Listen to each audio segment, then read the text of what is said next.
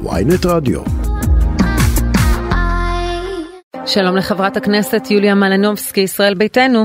בוקר טוב שלום. הבוקר uh, מתפרסם, אני קורא מתוך uh, ynet, הנספח להסכם המלא של סמוטריץ' עם uh, נתניהו, ומה יקבל יושב ראש מפלגת הציונות הדתית. הוא יכהן כ- כזכור כשר אוצר uh, ברוטציה בחלק הראשון, אחר כך הוא יכהן כשר פנים, אבל הוא יקבל גם תפקיד של שר במשרד הביטחון. מה הסמכויות, מה יקבל סמוטריץ' במשרד הביטחון?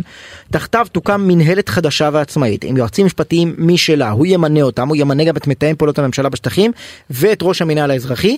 כל התשובות לבג"ץ, שקשורות כמובן לסיפור הזה של המינהל האזרחי, קרקעות ביהודה ושומרון וכולי, יאושרו על ידו. מה את חושבת על, ה- על ההסדר הזה ועל מה שהוא קיבל שם? תראה, אה, מקצת מידע שהצלחתי לקרוא מהבוקר, אני עוד לא, אני לא התעמקתי בתוך, בתוך המסמך הזה, תראה, זה, זה הכל חוץ ממשילות. בואי נחשוב על זה. יש לנו אלוף, אלוף אה, מרכז שהוא אחראי על יהודה ושומרון, יש לנו שר הביטחון עם סמכויות. על ידו יהיה סמוטריץ' עם סמכויות שהוא קיבל בהסכם, יחד עם זה יהיה בן גביר עם הסמכויות על מג"ב ביו"ש, ועל כל זה יהיה ראש הממשלה שבעצם הוא אחראי על, ה, על הקבינט בנושא התיישבות ויהודה ושומרון. אז חוץ מ... זאת אומרת, אנדרלמוסיה שלמה, וחוץ מבלאגן לא יהיה שם שום דבר, וגם מריבה אחת גדולה, כי בעצם יותר מדי אנשים, יותר מדי אנשים עם אגואים, שיהיו אחראים פחות או יותר באותו אזור על אותם דברים. אז משילות זה לא.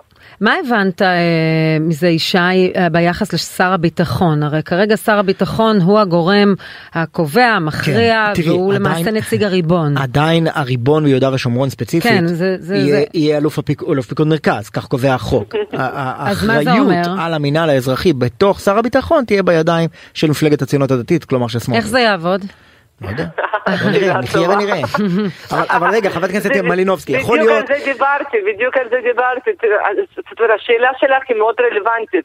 אלוף פיקוד, על זה שר הביטחון, שאלוף פיקוד עדיין כפוף לשר הביטחון. על ידי זה סמוטריץ' עם כל הסמכויות שהוא קיבל בהסכם, אני מאמינה שזה צריך אה, חקיקה. שזה לא יהיה פשוט בכלל. עם זה יש בן גביר שגם כן ירצה לקחת חלק, והוא קיבל בהסכם, עדיין לא ברור לי איך זה יעבוד סמכויות על מג"ב ביו"ש, וכל זה יש אה, ועדה שהם הקימו שם, הולכים להקים, בראשות ראש הממשלה שאחראי על כל ההתיישבות. קיצור. לא בקיצור, אז בוא נדבר על. סגן שר לא, אחר. רגע, אה, רגע, אוקיי. מעניין אותי, כי בשנים שישראל ביתנו הייתה שותפה קואליציונית והשיגה הישגים, אה, אה, היה היה גם תסכול, אני זוכר את ליברמן תוך כדי שהוא אה, חבר קבינט וזה מותח ביקורת לפעמים על המדיניות שהוביל נתניהו. באו בן גביר וסמוטריץ' והביאו מודל אחר.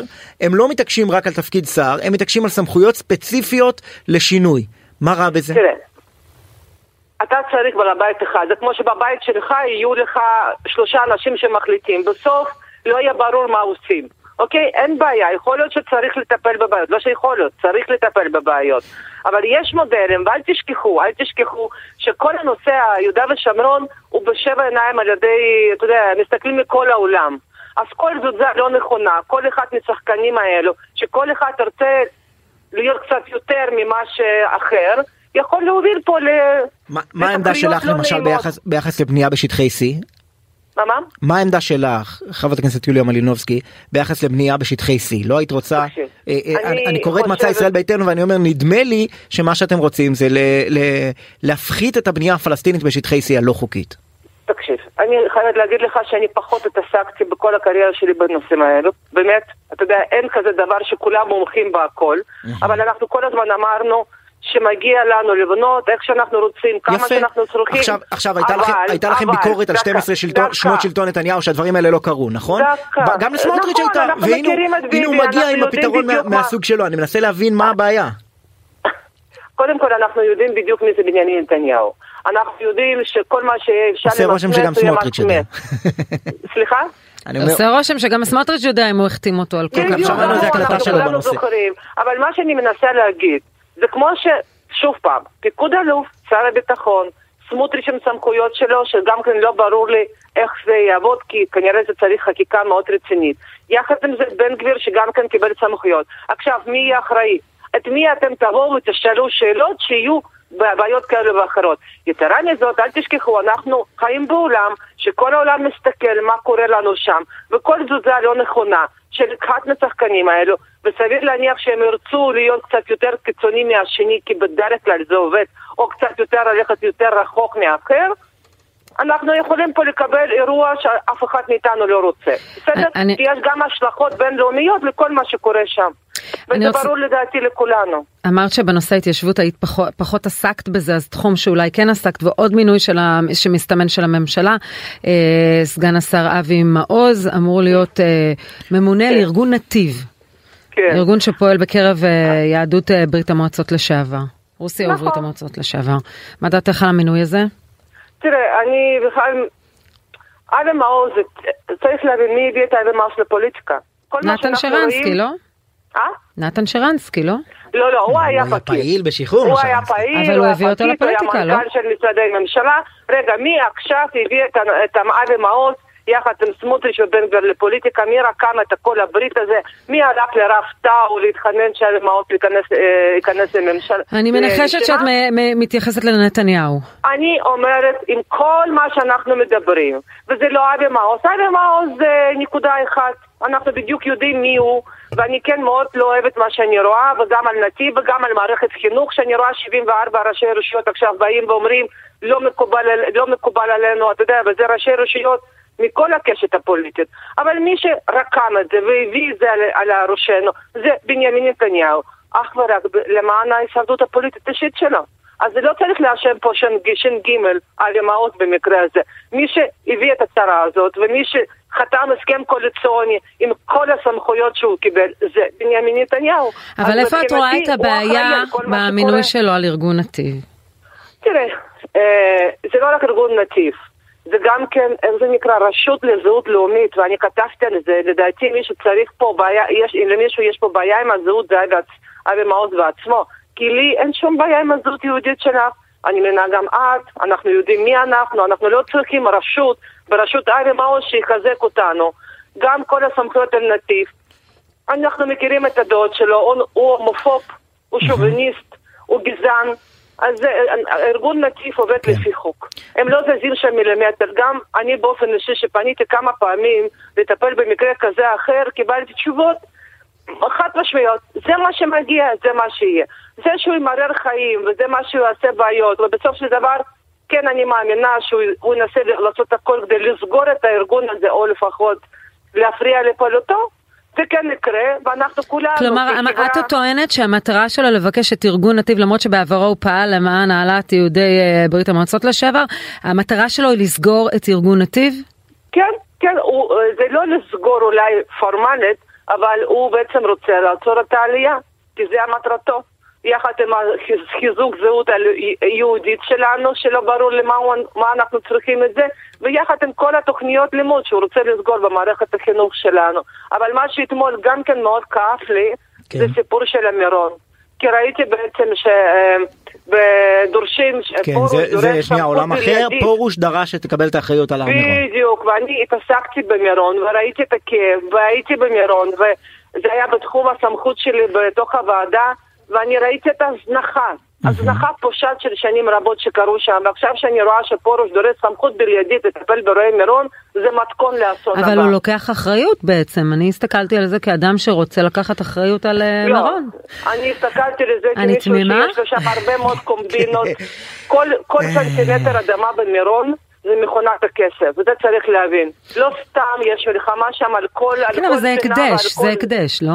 זה, זה, זה לא משהו שיכולים ליהנות ממנו. ההקדשות שם זה חלק מהבעיה, וחלק מהפתרונות שהם מוצאים, ועוד נראה מה תחליט ועדת החקירה בסופו של דבר להמליץ, אבל חלק מהפתרונות שמומלצים שם זה להלאים את כל הקרקעות כן. של ההקדשות, כדי שהמדינה... זה נעצר בבג"ץ נדמה לי, לא? לא, זה עדיין מחכים למסקנות הסופיות של ועדת החקירה. אני מצטערת, אני פשוט התעמקתי בנושא הזה, הר כן. מירון היה מוזנח בצורה בלתי רגילה.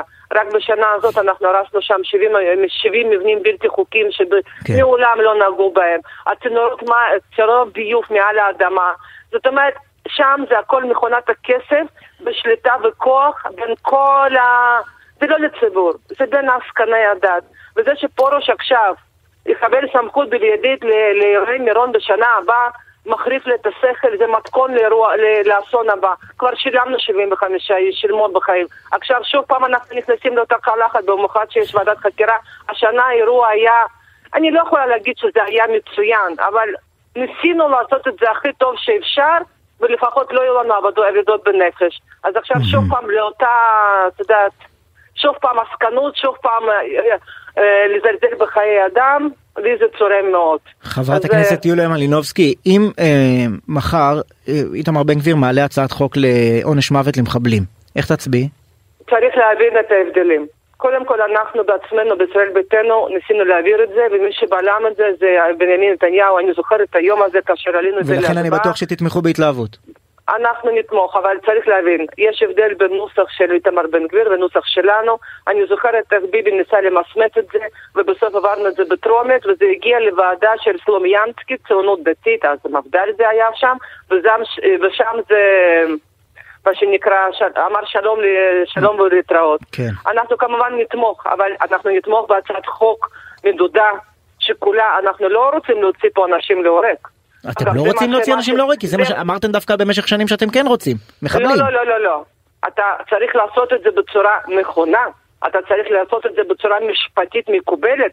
אתה לא רוצה פה להיות כן. מדינה שמוציאה לשמאל ולימין אנשים להורג. כן. אתה צריך ללמוד הצעה של, של בן גביר ולראות את ההצעה שלנו. זה שמיים וארץ.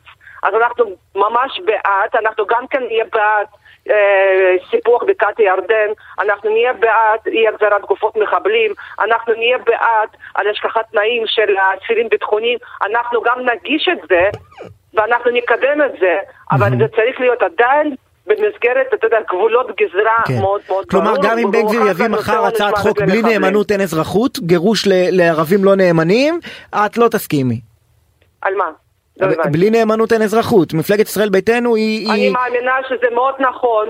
וגם כן מי שבלם את זה בזמנו זה בנימין נתניהו. אתם קצת חיים בסרט, אבל השמאלן הכי גדול בכל הממשלות האלו זה בנימין נתניהו. ומה שאנחנו רואים עכשיו, אני אומרת לחבר'ה, אה, לשותפים קואליציוניים, הם עוד יאכלו את, את הרגיסה הזאת.